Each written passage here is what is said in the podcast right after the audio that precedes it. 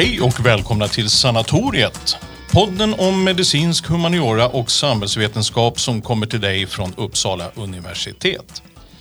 Jag heter Joakim Svartheden och är pedagogisk utvecklare på läkarprogrammet här i stan. Och vid min sida så har jag inte en nykomling i akademiska sammanhang men väl i sanatoriet. Hej, jag heter Erika Sigvardsdotter och är ny koordinator på Centrum för medicinsk humaniora och samhällsvetenskap som producerar den här podden. Idag ska vi borra djupare i mötet mellan medicin och humaniora med hjälp av två gäster som korsat dessa fält från två olika riktningar och som båda därmed gjort ovanliga val som forskare. Vår första gäst har beskrivit det så här. Det är ovant för en filosof att bedriva empiriska studier. Det förblir i högsta grad osäkert vad som kan uppnås därmed. Men i mitt fall var det utan tvivel så att de samtal jag förde med läkare och patienter om deras möten och syn på sjukdom gav mig nya infallsvinklar till de teman jag tidigare behandlat i den berömda filosofiska länstolen. Ja, så idag har vi alltså med oss en filosof, nämligen Fredrik Sveneus som är professor vid Centrum för praktisk kunskap vid Södertörns högskola. Hej Fredrik! Hej, tack för att jag får komma hit. Sen har vi också förmånen att ha med oss en praktiserande läkare i form av Robert Bodén som är överläkare på Uppsala Akademiska sjukhus och lektor i psykiatri vid Uppsala universitet. Hej Robert! Hej och tack så mycket. Så du Fredrik är filosof och beskriver filosofens verksamhet lite ironiskt i det citat vi hade. Som en typ av verksamhet från länstolen. Men du är alltså professor vid något som heter Centrum för praktisk kunskap. Vad är praktisk kunskap? Och är inte filosofi per definition något av motsatsen? Teoretisk kunskap eller åtminstone ett teoretiserande? Skulle du Fredrik, utöver att berätta något om ditt forskningsfält också vilja beskriva vad praktisk kunskap som akademiskt ämne egentligen är? Ja, alltså filosofi i sig kan ju ses som liksom den teoretiska eh, verksamheten eh, par excellence, så att säga. Det är ju verkligen teoretisk verksamhet, teoretisk kunskap. Praktisk kunskap kan man ju se som den typ av kunskap som inte är vetenskaplig eller filosofisk utan som snarare liksom utövas i handling på olika sätt, i olika praktiska sammanhang. Eh, dels så har vi ju massor med vardagskunskap som vi liksom utövar hela tiden när vi gör allt ifrån att stiga upp i sängen och knyta skorna eller laga mat eller vad det nu kan vara för något som vi liksom behöver på olika sätt för att överleva. Så det finns ju massa sån praktisk kunskap som är viktig för oss. Men sen finns det ju också praktisk kunskap som är specifik för, för yrkeslivet, för olika yrken.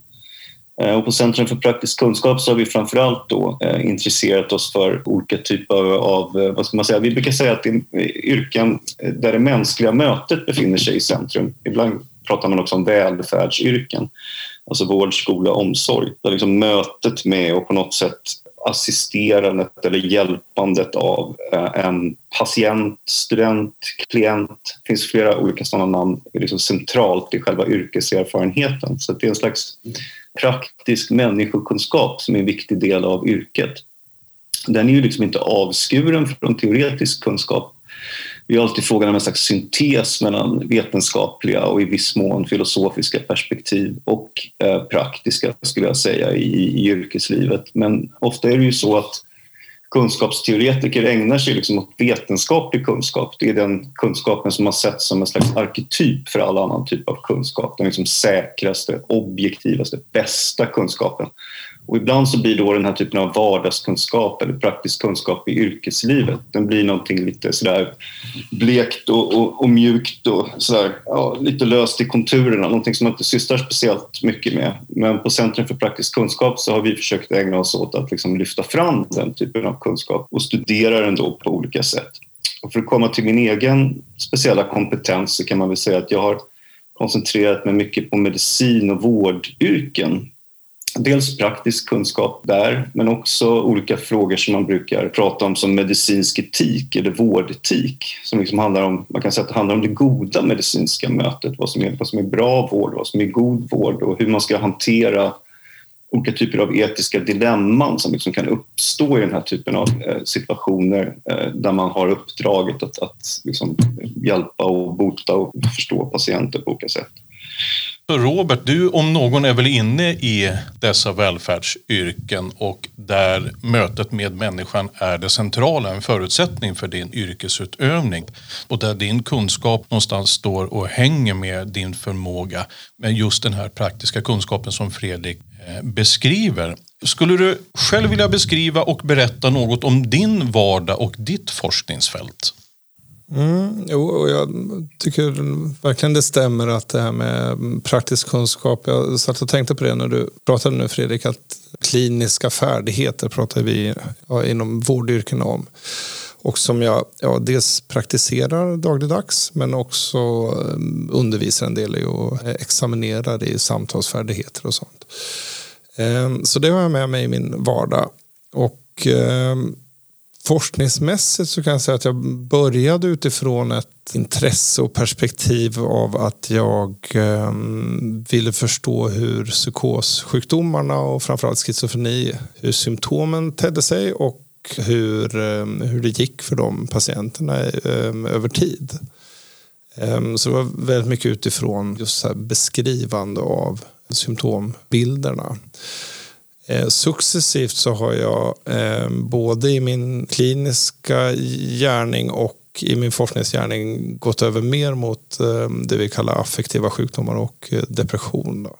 Och mitt intresse har gått från mer av det här beskrivandet av hur symptomen ter sig till vad händer inne i hjärnan egentligen när man har de här tillstånden eller sjukdomarna som vi ofta kallar det.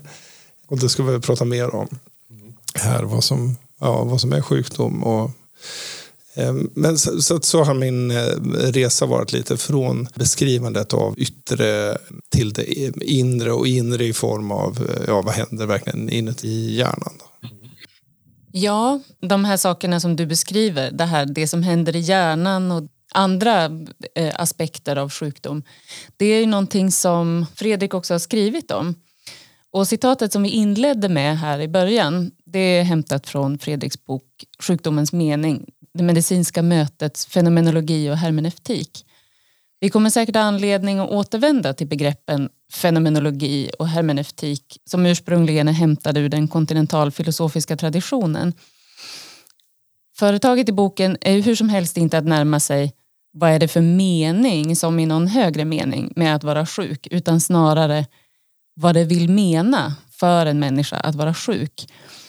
Och bland annat så urskiljer du tre dimensioner av sjukdomens mening. Skulle du Fredrik vilja utveckla det lite grann? Vilka är de här dimensionerna och vad innehåller de? Eller vad man ska säga.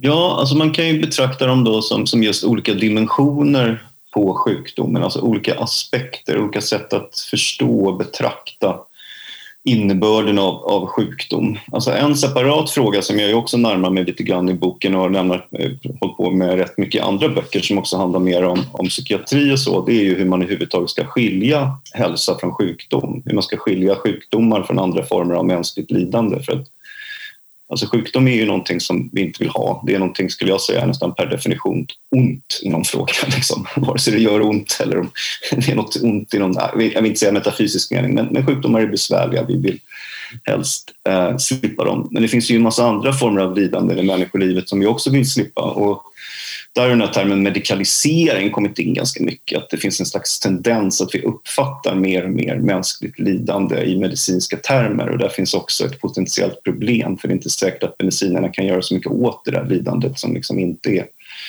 sjukdom utan någon annan form av eh, lidande. Men om vi då utgår från att vi har en situation där vi liksom är överens om att det här rör sig om en sjukdom, alltså någon som till exempel lider av en, en, en psykos eller en depression eller en eh, cancer eller en, ja, kan vara en, en influensa eller vad som helst så skulle jag vilja säga att man måste anlägga åtminstone tre olika perspektiv på sjukdomen. Man måste se tre dimensioner av sjukdom. Och det här är viktigt, dels från ett slags allmänt teoretiskt perspektiv om man är nyfiken på vad sjukdomar är för något. Men det är kanske särskilt viktigt om man arbetar med sjuka människor och vill kunna hjälpa dem på bästa sätt. Den första dimensionen är det som jag skulle kalla för den fenomenologiska dimensionen. Och den utgår helt enkelt ifrån hur det är, hur det upplevs, hur det känns att vara sjuk.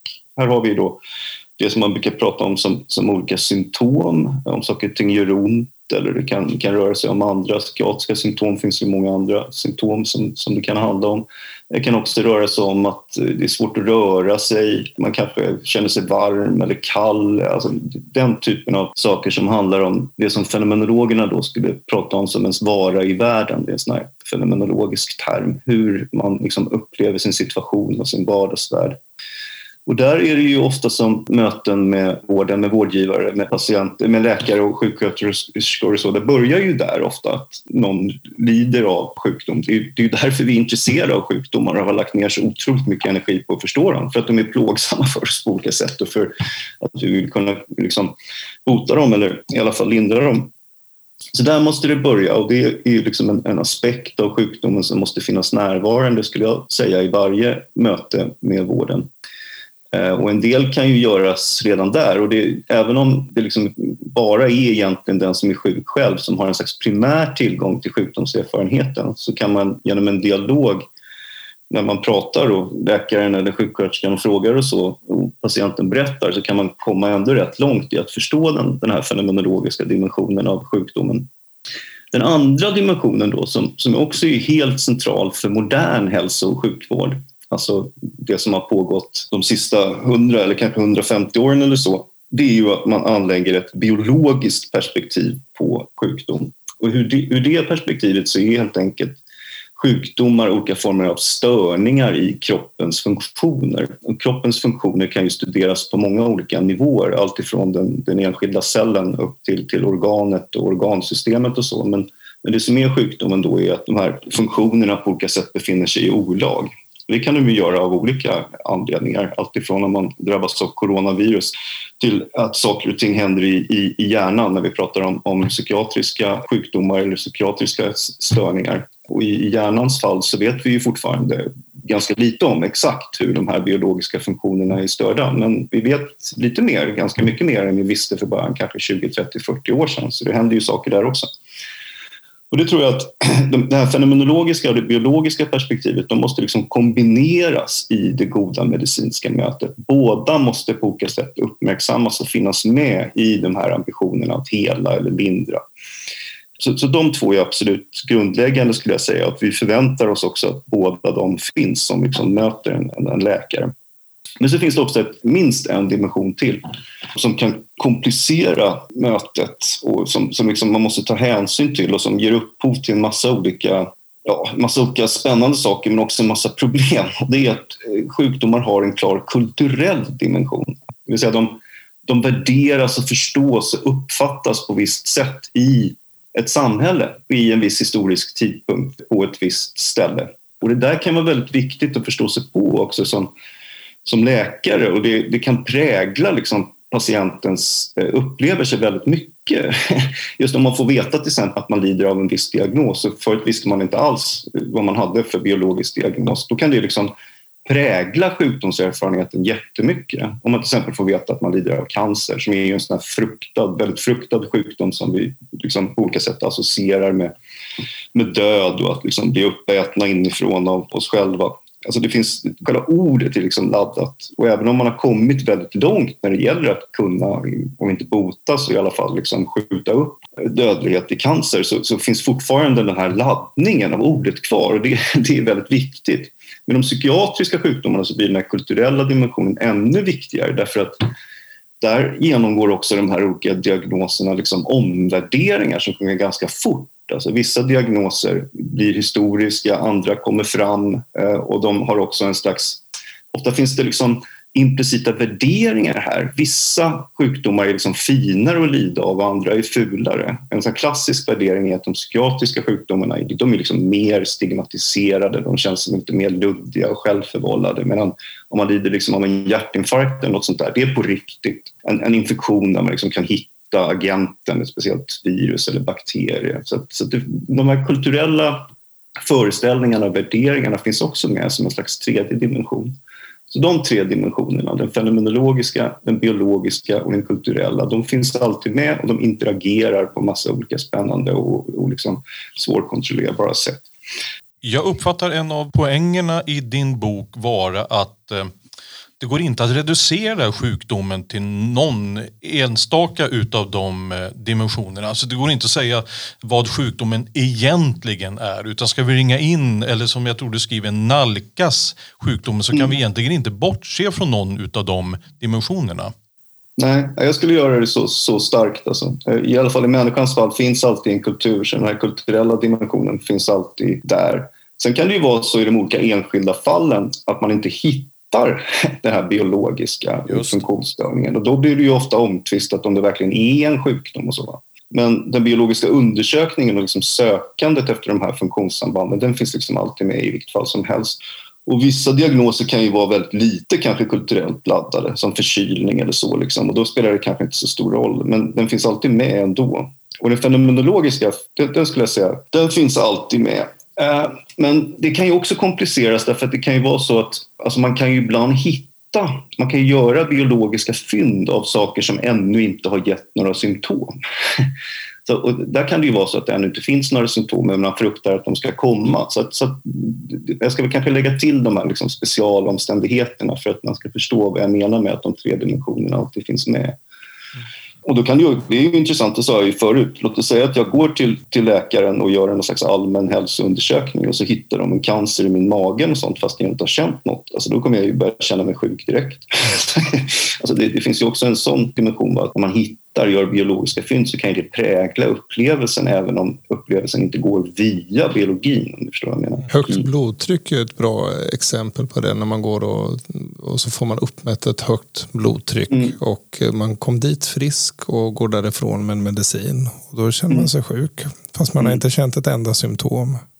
Är det en sjukdom? Ja, det är också så att det där höga blodtrycket har liksom varierat genom tiden hur mycket, vad som är ett högt blodtryck. Och mm. Det fastställs ju alltid på ett sätt som man liksom inte kan lösa rent biologiskt. Alltså det är olika riskuppfattningar om vad det här höga blodtrycket kan liksom producera i långa loppet. Mm. Och kanske handlar det faktiskt också om att läkemedelsbolag säljer mediciner för högt blodtryck och tjänar mycket pengar på det. Mm. Ja. Alltså så där, där, finns det också liksom kulturen och samhället med på det sättet.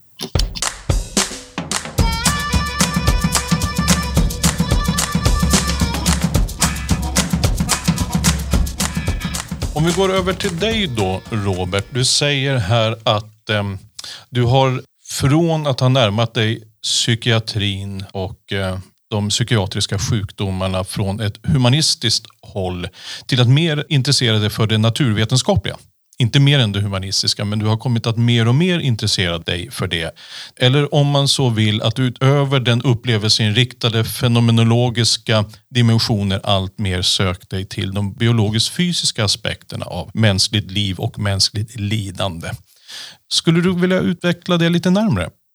Mm kan väl börja med att säga att det, det, det, har ju, som du säger, det har ju hängt kvar. När det gäller just eh, den praktiska gärningen, mötet med patienten, så hänger nog det humanistiska kvar. Så, som jag kallat humanistiskt tidigare när vi har talat om det. Det hänger ju kvar, men mitt intresse för eh, sjukdomarna i sig så har jag blivit mer och mer intresserad av vad är det just som Eh, händer i hjärnan och på vilka sätt kan vi eh, hitta nya sätt att hjälpa de här eh, människorna som lider av de här tillstånden. Och kanske till och med via den kunskapen då. Ja, fast ibland så känner jag mig vilsen också hur mycket det här fenomenologiska... Jag har lekt ibland med tanken och det tycker jag skulle vara intressant att diskutera om man, om man just kunde diagnostisera utan samtalet lika bra. En depression och sen hade vi bra behandlingar som vi kunde sätta in. Ska du strunta i samtalet då?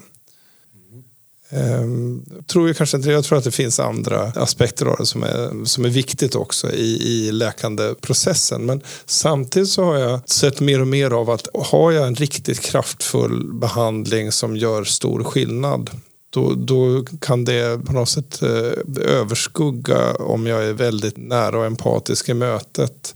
Så Ehm, jag tror att du skriver någon av dina böcker om det Fredrik också. Att man väljer ju hellre den onkolog som, eh, som kan bota cancern än den som är väldigt snäll och inkännande. Så. Och jag kan, kan känna så lite grann som psykiater också. att det, i, i min forskningsgärning och, och letandet efter hjälpandet av människan så är jag mer och mer mm, intresserad av att hitta de här kraftfulla behandlingarna. För det är på något sätt det slutgiltiga verktyget för att hjälpa är det som, ja, där vi har någonting att tillägga egentligen.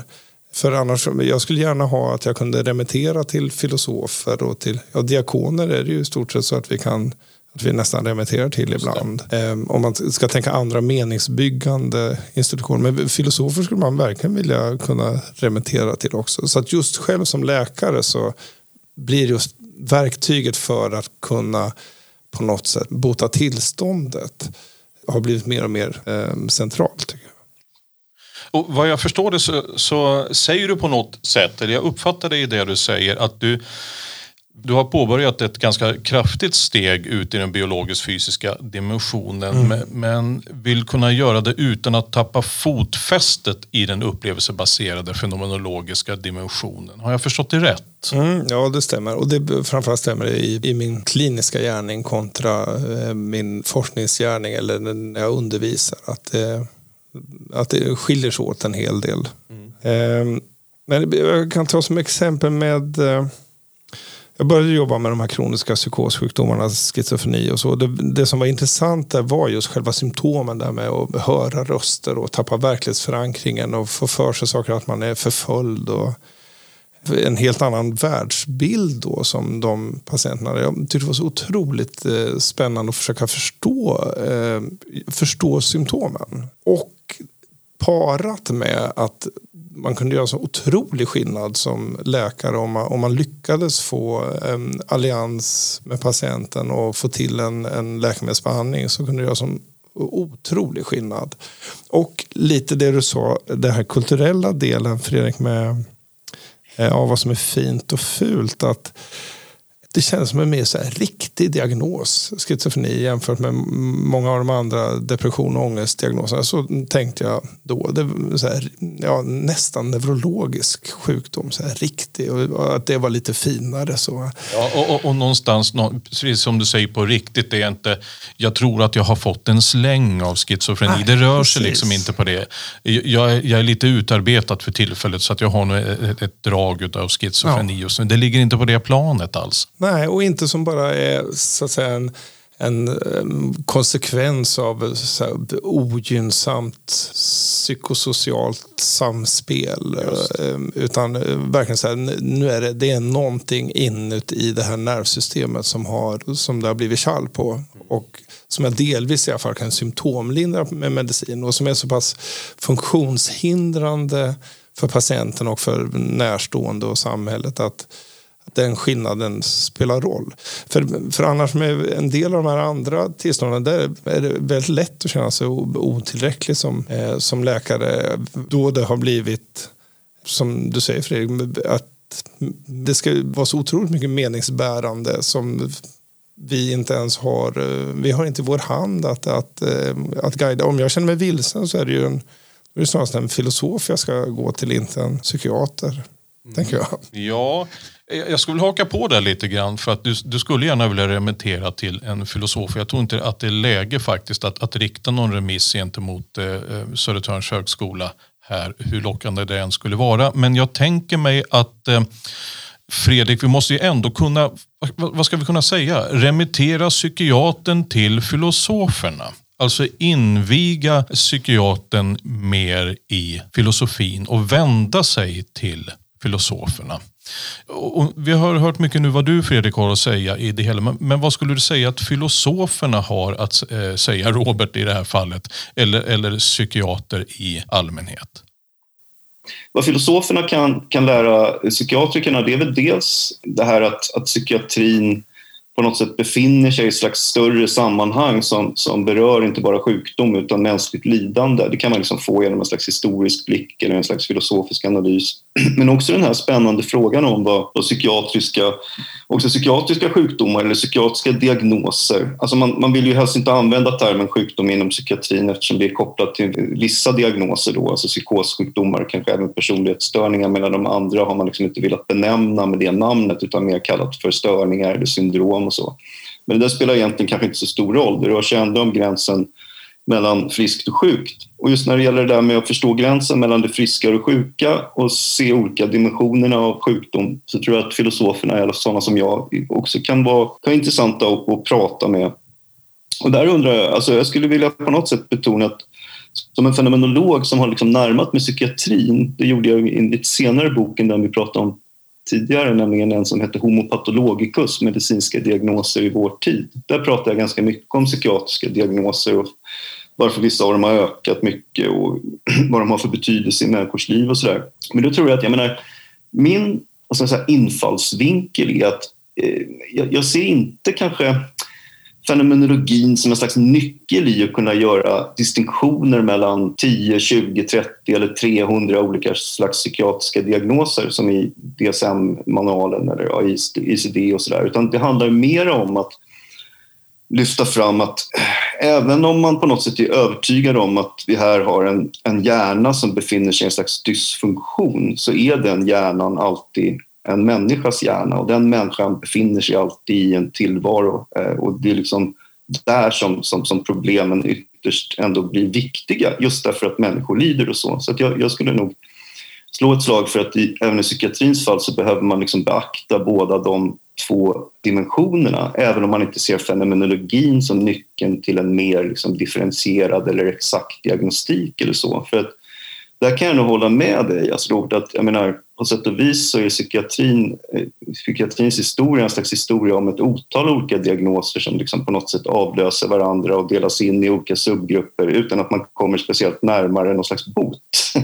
Så där, där, kan jag liksom förstå frustrationen och det finns ju också en rörelse en, en slags biologisk rörelse idag som, som liksom, eh, när det gäller DSM-5 framförallt som kom 2013 och som både före och efter det har velat gå i en riktning mot en, en, en, en diagnostik där man liksom skulle kunna utgå mer från biologiska markörer och så. Problemet är ju bara att det går ju fortfarande inte att ställa några sådana diagnoser. Eh, alltså det finns ju inga biologiska tester, eller det finns några då, men de är ofta ganska svåra att göra. Det är mer forskningsverksamhet än något som händer på vårdcentralen. Och, och, så länge det är så, så länge man liksom har lyckats med hjälp av den här biologiska axeln att liksom hitta en slags ny bra uppdelning där man också har olika behandlingar som är effektiva så tycker jag nog inte att man kan ta det där klivet och liksom jag tror att det är Åsa Nilssonne som har presenterat den där idén om att på vårdcentralen eller på psykiatriska mottagningen inom bara 10 eller 20 år så kommer man inte att prata med någon alls. Man kommer bara lägga sig i någon slags brain scanner och sen lämna alla sina prover och sen får man ett liksom, grönt, blått eller gult piller när man går ut. Alltså jag tror att det är ganska, det är väldigt långt dit. Va? Mm. Eh, så, så jag, jag, är inte alls emot. Jag tycker det är en spännande utveckling och också det som görs när det handlar om olika gener som är kopplade till olika psykiatriska diagnoser så visar ju de att väldigt många av de generna verkar ju liksom gå på tvären över diagnostiken. De finns liksom samma gener i olika som man betraktar som olika psykiatriska sjukdomar eller eh, syndrom idag. Så jag, jag, jag, tror att det ligger en hel del i det. Att när vi väl börjar förstå hjärnan, om vi gör det på något slags detaljerat sätt så kanske det kommer leda till att vi helt måste göra om diagnostiken. Alltså jag, jag, är, jag är öppen för den möjligheten men jag ser inte att, att idag finns en sån reell liksom praktisk möjlighet. Eh, och det är det glappet jag lever i dagligdags. Att jag tillhör ju den forskningstraditionen där man just delar in efter tanken den här biologiska eh, diagnostiken när vi undersöker sjukdomarna i forskningen. Medan i min kliniska praktik så är jag kvar i, i den här, jag är en sorts 1800-tals... Eh, det, det, är ju ingen skillnad på den diagnostik egentligen, hur vi gör den eh, idag jämfört med på slutet av 1800-talet. Skulle du säga en följd av att eh, vi har inte hängt med riktigt så? Eller är det att nej, men det är det bästa vi har? Än så länge så är det de teknikerna, de infallssätten som vi hade redan på slutet av 1800-talet, det är faktiskt det bästa vi har att tillgå. Ja, jag skulle säga det senare, att det är det bästa vi har i dagsläget. Jag tror man ska komma ihåg så här, när man börjar prata om, om psykiatrin kontra övrig medicin, att det är det är hyggligt mycket av, av den typen av diagnostik även i, inom kroppssjukvården. Eh, så ja, många reumatologiska diagnoser till exempel ställs på precis samma sätt. Och, ehm, så det, det, är inte något dåligt i sig men det är klart ett, ett steg närmare biologin snäpper ju upp det hela. Men alltså den vi använder ju fenomenologi med lite olika betydelser tror jag. Men liksom den typen av fenomenologi som är i vår diagnostik. Då, den, den, eh, man kommer ändå ganska långt med det. Men det blir otroligt breda ramar. Så att det vi kallar depression till exempel är ju Eh, det är otroligt mycket som ryms i det. Och jag trodde ju det här med schizofreni var ju så fiffigt. Så här, ja, men det är ju en sjukdom tänkte jag. Men ju längre jag höll på och jobbade med, eh, med det och, och forskade på det insåg jag att även schizofreni är ju troligtvis jättemånga olika tillstånd och kan ha flera olika biologiska bakgrunder i hjärnan troligtvis. Och vi har till och med börjat hitta en del sjukdomar inom det som vi kallar schizofreni då, som till exempel eh, autoimmuna angrepp på hjärnan, alltså där immunförsvaret ger sig på en del av hjärnan. Ehm, ja, det förstod vi för kanske 10-15 år sedan att eh, eh det här är en specifik sjukdom och den ger exakt samma symptom som när vi brett definierar det här som heter schizofreni. Så då fick man ju plocka ut det ur schizofrenigruppen och så fick den ett eget namn. Och så där kommer det nog fortsätta. Att vi kommer både, alltså ur många av de här syndromen som vi kallar det inom psykiatrin kommer vi plocka ur del efter del eh, när vi hittar biologiska bakgrunder till. Men sen finns all den här andra pålagringen också. Som de här olika dimensionerna som du eh, tar upp Fredrik.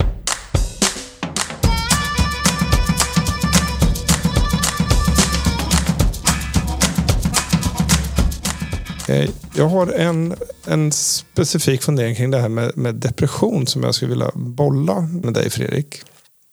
Och det är att om vi tänker oss att fenomenologin, det här, vad har det för betydelse i patientens liv, det lidande de har. Jag sätter mig ner då för ett samtal där jag försöker ta reda på specifika symptom. Hur ter de sig och hur mycket har de av det här och vilken funktionspåverkan har patienten av det. Det är ju konstigt nog, fast han är så bred diagnos, så är det så otroligt lika berättelser som jag får höra. Jag kan förvånas själv över det. är konstigt att vi kan sätta upp kriterier för en diagnos som depression och att vi kan få in många i den. Och, och när jag sitter och lyssnar på berättelserna så är de otroligt lika varandra. Själva grundstoryn, om man säger som själva synopsis, är otroligt likt. Sen så är det som att den, den utsmyckningen av berättelsen är utifrån patientens livsbetingelser eh, och, och, och, egen historia och sådär. Men, men ändå själva grundstoryn, synopsis, eh, är, är, samma. Eller om man tänker sig som att det är en målarbok där man har, eh, man har ritat upp eh, gränserna för så här, så här är diagnosen. Och sen så, så, sitter jag tillsammans med patienten och de målar upp olika färgfälten. Så här. Men, men det är ändå så att de i grunden är väldigt lika. Men utsmyckningen är olika. Och det där kan ju förleda mig ibland att tänka att ja, men då kanske det ändå Finns det någon biologisk bakgrund till att det är så? Eller kan det vara andra saker som gör att det ändå blir så lika? Och det tycker jag ska vara spännande att höra vad du säger om. Ja, absolut. Jag har en hel del funderingar kring det. Men, men jag, jag, undrar, vad menar du är synopsis då liksom, i den här målarboken? Vad, vad är synopsiset för depressionen som du hör varje gång? Liksom? Det är de, eh, de specifika symptomen. Och sen kan de få lite olika effekt i, eh, i olika människors liv. Men, ja, men det är helt enkelt de, de olika delsymptomen i tillståndet. Mm. Så som Ja, till exempel eh, vi kan ta oförmågan att känna lust och, och, mm. och, och, glädje. Och lite, att det kan bli till och med lite som samma, samma uttryck, hur man beskriver det. Men sen är det, det, det är såklart utsmyckat på olika sätt. Ehm, och man kan, jag kan ana ibland könsskillnader eller sådär. Men det är väldigt lätt att, eh, att få, fram, få fram den här informationen för att den, och den berättas ofta på eh, likartat sätt. Skuldtankar är också sådana här som blir väldigt likartat hur det ter sig och hur det blir självfokuserat utifrån hur dålig man är själv som människa och vilken påverkan det får för eh, ja, ens eget liv och för andras liv. Och hur det går som i en, eh, ja, som en spiral eller som i en, en gammaldags LP-skiva som har hackat upp sig.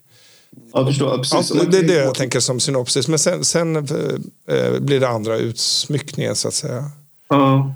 Jag tycker, alltså mitt, inte bara mitt intryck utan om man kollar på hur, hur ofta diagnos, eh, depression har diagnostiserats så kan man ju se att i förhållande till depression på 70 och kanske även en bit av 80-talet när depression var ett slags tillstånd av ganska djup eh, nedstämdhet med patienter som liksom knappt kom ur sängen och eh, ofta när de kom ur sängen kanske gjorde självmordsförsök och sådär. Jag menar, så har ju ändå depression liksom diversifierats. Eh, man pratar ju idag ofta om, om, om djup depression, med svår och, och liksom lite lättare depression.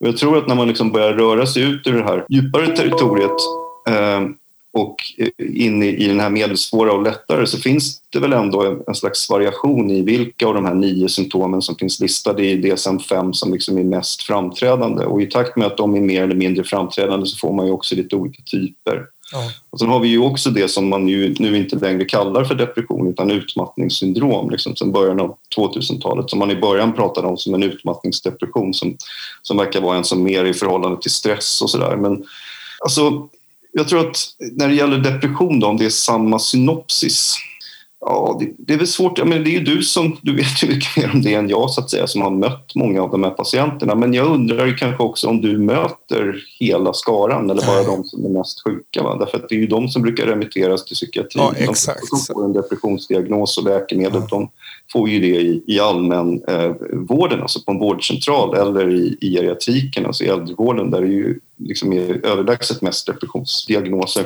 Mm. Så jag tror nog ändå att i takt med att depressionen liksom har blivit en större diagnos så finns det liksom differentieringar och i någon punkt så, så börjar vi också närma oss det här territoriet när man kan börja liksom diskutera, är det här en sjukdom eller är det en livskris? Är det, är det, liksom en, är det ett existentiellt lidande? Alltså inte de som du träffar tror jag oftast. Nej, nej men precis. Det ligger nog något i det. Jag, jag jobbar ju i stort sett bara med, med svåra depressioner och ja. i stort sett alla är, är självmordsbenägna. En del är sådana som inte ens tar sig ur sin mm. eh, säng. Så jag är absolut i den, i den änden och kanske är det så att Ja, det kanske är så spännande tanke. Det kanske är så att det här som jag kallar synopsis då, är, om man tänker sig dimensionerna, om det, nu finns, om det nu finns en biologisk bakgrund till de här symptomen och att det uttrycket blir tydligare ju, ju allvarligare tillståndet är så blir, det, mm. liksom, blir det mindre variation i, i berättelsen. Men, men även de jag träffar eh, så här så har jag mycket funderingar på vad är och vad är vad? Um, kan man inte mm. tänka också här att här kommer den här tredje, den kulturella dimensionen in. Att vi, det här att, att berättelserna om sjukdom om depression är så pass lika. Att det delvis har att göra med hur vi har lärt oss att prata om depression. Hur vi har lärt oss att Alltså genom, genom språket och genom andras berättelser om depression så hittar vi språket för att beskriva våra egna erfarenheter. Mm. Och det tror jag. Det, det, tror jag absolut. Om man tittar på andra diagnoser som utmattningssyndrom är det ännu tydligare på något mm. sätt. Och om man, tittar på, man kan titta på det på andra sätt också. Om man tittar på psykossjukdomar så ser man ju att de här hallucinationerna eller vanföreställningarna som man brukar kalla dem är ju liksom alltid stöpta i sin tid.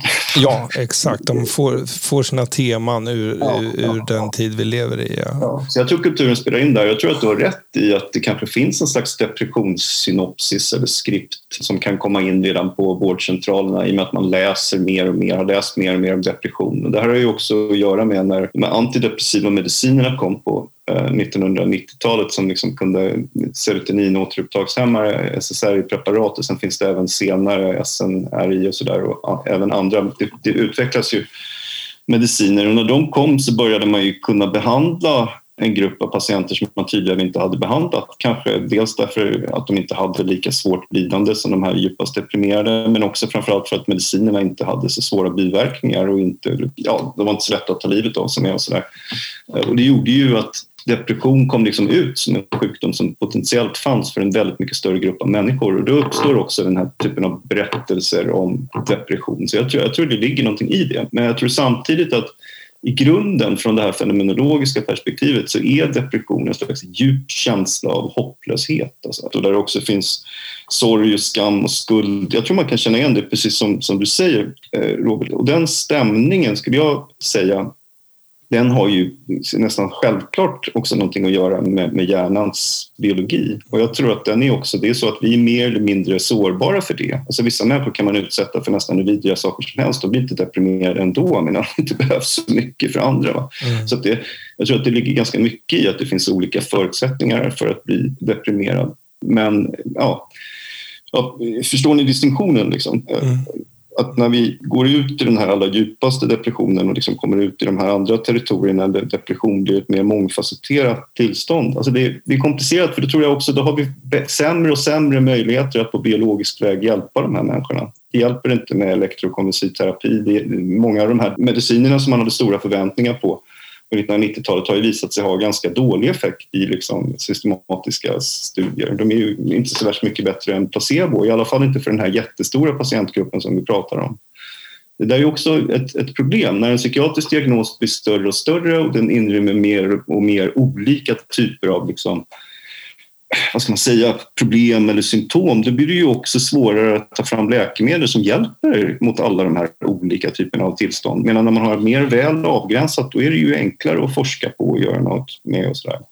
Ja, de här, den här kulturella och den biologiska dimensionen, de, de utesluter liksom inte varandra. Jag tror att de samspelar i det här, vad ska man säga, frågan om vad depression i grunden är. Och mm. jag personligen tycker att vi måste på något sätt försöka bevaka en slags gräns för sjukdomen. Och den enkla anledningen att jag tror att när vi börjar röra oss ut i ett större territorium av mänskligt lidande då har också läkarna och, och, och liksom hjärnforskarna mindre och mindre möjlighet att hjälpa de här människorna med deras problem. Medan när vi pratar om den här djupa hopplösheten eller schizofrenin och så, där, så kanske de har bättre förutsättningar. Även om jag, jag, du pratade förut om att du ibland kan hjälpa människor under en ganska kort tid. Det, det lät ju förhoppningsfullt att du kunde göra det. Jag trodde fortfarande att det var väldigt svårt att göra det för, när det gäller depression, så att säga, i de här svårare formerna. Ja, nej, men och det, och det har ju, för mig har det skakat om mig lite grann eftersom jag eh, tänkt mer att det var Ja, med schizofreni så kan man ha stor skillnad på, på symptomnivån men vi kan ju fortfarande inte bota och det långa förloppet blir fortfarande relativt likt. Men med, med eh, depression och få se, ja, ibland jobbar jag med elektrokonvulsiv terapi och det är ju kanske den mest, det är ju den mest effektiva behandlingen vi har. Men jag jobbar även med något som heter eh, magnetstimulering av hjärnan och även gjort studier på det. Och I de studierna när jag har fått följa patienterna så har jag blivit otroligt tagen av den, den förändringen som har kunnat ske. Och det, det, här tycker jag är svårt.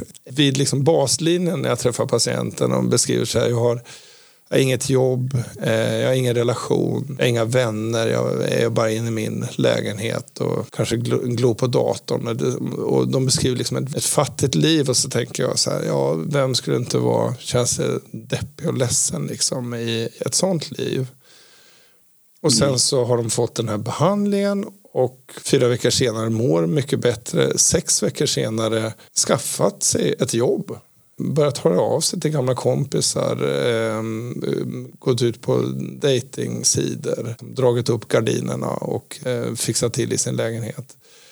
Så personer som jag tänkt så här, ja men det här är ju omständigheterna. Och sen så gör vi den här interventionen med, som, och det, det är inte så att vi håller på pratar och grejer utan vi stimulerar ett visst område av hjärnan. Och sen så, så när patienten då inte längre är deprimerad så löser sig allt det andra som jag innan tänkte så här, men det här kanske är orsaken till dåligmåendet. Och så var det istället en effekt av dåligmåendet. Och det där tycker jag är jättesvårt att sortera. Och jag, jag kan verkligen inte sortera. Jag kan ju inte heller sortera vilken patient ska ha vilken behandling. Det är fantastiskt att vi har massa olika behandlingar eh, att e-, erbjuda. Men vilken patient som ska ha vilken behandling, det är vi fortfarande väldigt dåliga på. Så vi måste ju också bygga en allians eh, för en gemensamt utforskande liksom, av eh, vad vi kan försöka göra åt det med, med de verktyg som vi har. Men då skulle man ju också vilja kunna känna sig säker på att ja, men det, här, eh, det här är inte inom medicinska delen utan det här är kanske mm, omständigheterna och så. Och jag, jag känner mig fortfarande efter 20 år i psykiatrin väldigt eh, osäker på det i, i början. Och, och det här det har skakat om mig lite grann. Är det magnet, den här magnetstimuleringsterapin alltså som har skakat om dig? Eller? För det låter ju otroligt spännande. Ni har identifierat så att säga, en viss region av hjärnan där man med hjälp av eh, magnetstimulering kan få ganska ja, häpnadsväckande effekter, låter det ju som. Ja, djupt. Ja, men, men fortfarande inte lika kraftfulla som en, en elektrokonvulsiv terapi. Där har vi ännu mer eh, liksom, extrema behandlingseffekter. Och det fina med den här behandlingen är att man inte behöver vara sövd och Eh, ja. Så, så, att det är liksom mindre risker med det på det sättet. Ja. Men, så det är överhuvudtaget att jobba med den typen av eh, behandling. Vi har en del så här infusionsbehandlingar där vi ger läkemedel in, rakt in i blodet och som kan ha väldigt kraftfull effekt också. Så överhuvudtaget är att få se någonting där man ger en kur Mm. Där det händer någonting väldigt mycket under kort tid. Det, det, det är det som har skakat om mig och att det jag trott kanske varit en effekt av omständigheter kanske istället så att omständigheterna har varit en effekt av sjukdomstillståndet.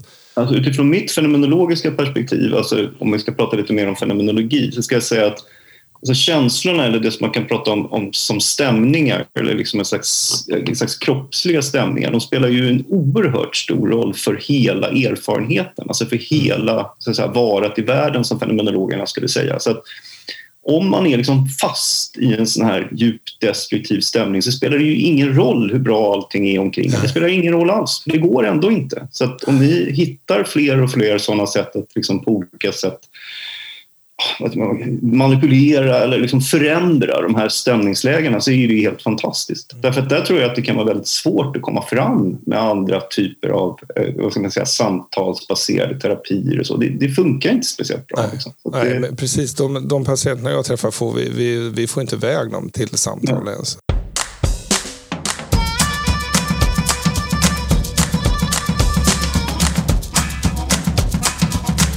Vi ska fortsätta mm, resan från det sjuka mot det friska här tänkte jag. I boken Sjukdomens mening så skriver du Fredrik om sjukdom som en sorts hemlöshet. Alltså det, det är en typ av hemlös känsla i kroppen. Du skriver en del om liksom insjuknandets förfrämligande. Och jag tänkte, för det är ju en förändring sen liksom när man blir frisk också, det som vi har pratat om här hur kan man prata om det i de här termerna? Är det att liksom boa in sig i kroppen igen? Ja, kanske det. Alltså, den här första den här boken som vi har pratat om mest idag den handlar ju mest om kroppsliga sjukdomar. Jag har något exempel på utmattningssyndrom eller något sånt. Men jag skulle säga att psykiatrin är det ju lite knepigare att säga att, för att ja, psykiatri är ju definierat som det som liksom, ja det handlar ju om kroppen men en speciell del av kroppen då. Så att hemlösheten i det fallet har visserligen tror jag liksom kroppsliga dimensioner på olika sätt. Alltså depression till exempel, kroppen känns tung helt enkelt alltså på olika sätt. Det kan kännas att man kan ha av en slags främmande känsla inför sin egen kropp. Och det där finns ju på, ibland på ännu mer spektakulära sätt när det gäller psykossjukdomar och så. Så det kroppsliga finns med där men det är ändå lite annorlunda och, ja, på olika sätt. Men om vi har de kroppsliga sjukdomarna så är det ju ofta det där med att kroppen gör motstånd på liksom nya gåtfulla sätt. Det gör ont, man kan inte röra sig, det är plågsamt. Och sen när man då tillfrisknar så blir man åter liksom på något sätt mera hemmastad i sin egen kropp på det sättet att kroppen återigen börjar bli någonting som liksom är, som fenomenologerna brukar säga, transparent. Alltså man tänker inte på sin egen kropp när man håller på och gör olika saker utan den är liksom där som någon slags självklart stöd för alla verksamheter, upplevelser och, och erfarenheter. Och just det där, jag tror att med tillfrisknandet, när man återigen får ett sådant förhållande till sin egen kropp, om det går, det kan ju vara en, en otroligt positiv erfarenhet på ett sätt som det inte är för mig just nu när jag är frisk och inte tänker på det. Att liksom återerövra det här tillståndet kan ju vara någonting som, som känns otroligt bra. Alltså tänk, min, min främsta, mitt främsta exempel på det är hur det känns när ett illamående ger med sig. Alltså, för det, det är verkligen, tycker jag, bland de jobbigaste grejerna att vara illamående. Och då, när det ger med sig så kan man ju verkligen övermannas nästan av en slags lättnad och hur fantastiskt det är att bara ligga där. Liksom, kunna, mm titta i taket eller ta en klunk saft utan att kräkas. Liksom. Så att, eh, där, där, finns ju verkligen något sånt. Eh, jag, och jag pratar ju då om, om sjukdom då som hemlöshet i förhållande till kroppen men också i förhållande till världen då som man ju inte kan ta plats i på ett lika självklart eh, sätt längre. Och så pratar jag om hälsa som hemmastadhet. Men kanske finns det liksom om man använder sig av den här metaforen hemmastadhet, det är ju, det är ju en slags metafor. Alltså vi, när vi pratar om att vara hemma så pratar vi mest om att vara hemma i vår egen lägenhet, vårt eget hem nu som under covid. Liksom. Alltså, man är hemma hela tiden. Om man, då, man skulle kunna använda den metaforen för att också prata om någonting som kanske är större än hälsa, som kanske mer handlar om någon slags, ja, vad ska man säga, välbefinnande, livskvalitet, lycka, mening med livet eller något sånt. Eh, så, så tror jag att det finns utrymme för att prata om hemmastandhet i en slags liksom större och annorlunda mening än bara hälsa. Fångade det upp din fråga? Eller? Jag, jag ville liksom slå den där bryggan på något sätt mellan hälsan och eh, en slags större fråga som mer handlar om det goda människolivet. Där jag också tror att den här metaforen kan vara av betydelse. Men samtidigt är det naturligtvis viktigt att försöka hålla isär de där sakerna. Att vara vid hälsa och vara lycklig är inte alls samma sak. Så man kan ju vara lycklig men ändå sjuk eh, mm. och, och vid hälsa men ändå djupt olycklig. Så att de är liksom inte synonyma. Men i båda fallen så finns det en slags, en slags potential för att använda sig av den här hemmametaforen. Absolut.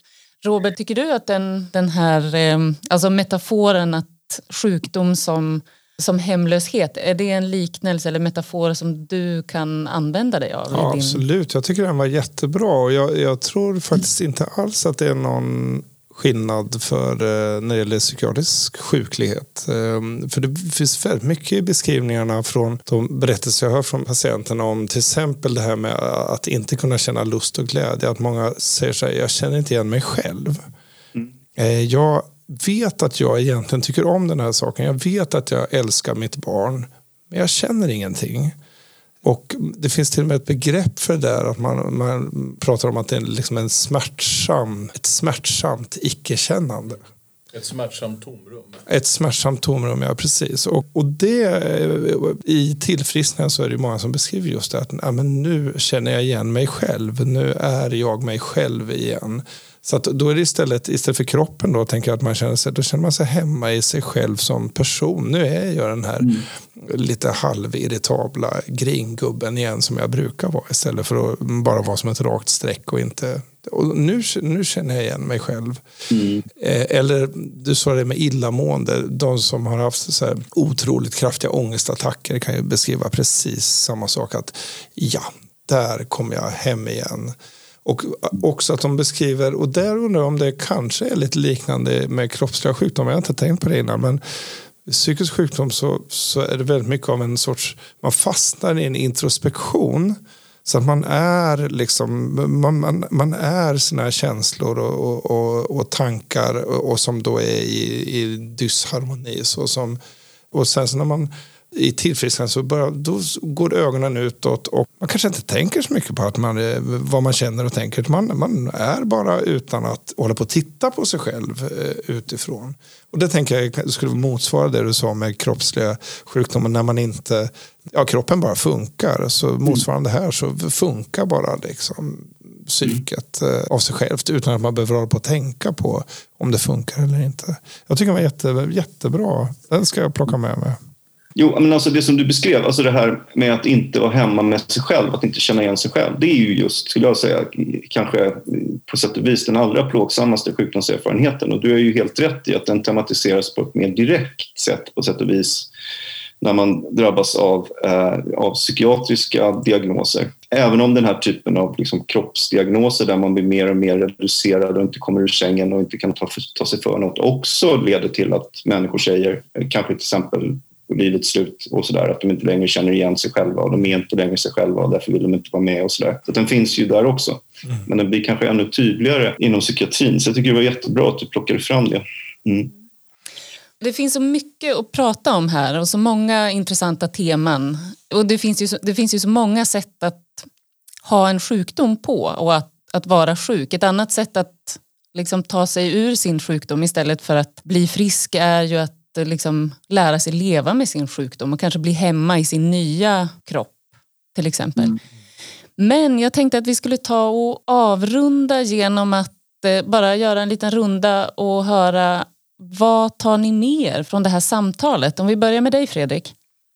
Nej, men alltså jag tycker det är spännande att höra utifrån den här vad ska man säga, psykiatriska och lite mer liksom biologiskt inspirerade synpunkten och liksom försöka förena det med det här fenomenologiska perspektivet. För att jag tror att när man liksom går ner i botten av det fenomenologiska och pratar om kroppen som levd erfarenhet och olika stämningar och sådär, då, då börjar man också komma nära någonting som kanske handlar i grunden om hur hjärnan fungerar. Alltså det kanske låter väldigt flummigt, men jag menar det finns ju till exempel jättespännande hjärnforskning som handlar om hjärnvågor och olika svängningar på olika nivåer och sådär. Det vore väldigt intressant om man liksom kunde hitta några kopplingar här som, som handlar om människors direkt om deras upplevelser. Jag tror att det, det, det kan, vi, kan, vi kan kommer att se mer av det de närmaste 10-20 åren. Jag hoppas verkligen det. Och det, från mitt perspektiv så kommer inte det att göra fenomenologin liksom onödig därför att jag menar, du behöver ju fortfarande erfarenheten om du ska liksom med hjälp av de här hjärnvågorna eller alltså det som händer i synapserna eller vad det nu är. Om man ska, det, det, man försöker göra när man studerar det, det är ju att säga någonting om erfarenheterna. De är ju liksom fortfarande explanandum som man brukar säga inom vetenskapsfilosofi. Så man kan ju liksom inte ta bort dem, då har man ju ingen forskning. Mm. Robert? Ja, nej, det där var ju, eh, håller jag med om är väldigt intressant tanke och som jag också gärna vill ta med mig vidare. Men jag tycker det här med som kom på slutet här med att hitta hem eh, och hemlösheten och sen att söka efter att hitta hem. Det är något jag kommer plocka med mig. Då får vi tacka så mycket. Ja, och vad tar man med sig från, från detta? Jag ska inte ens försöka sammanfatta vad jag tar med mig från detta. Det är otroligt många intressanta tankar som har både väckts och stötts och blötts. Vi nöjer oss Erika med att utbringa ett stort tack till Robert Bodén och till Fredrik Sveneus som har varit med oss idag och eh, diskuterat kring sjukdomens mening i allmänhet och kring psykiatriska diagnoser eller psykiatriska tillstånd i synnerhet. Stort tack för er tid. Tack så jättemycket. Tack själv, det var jättekul. Du har lyssnat till ännu ett avsnitt av Sanatoriet. Podden om medicinsk humaniora och samhällsvetenskap signerat Uppsala universitet.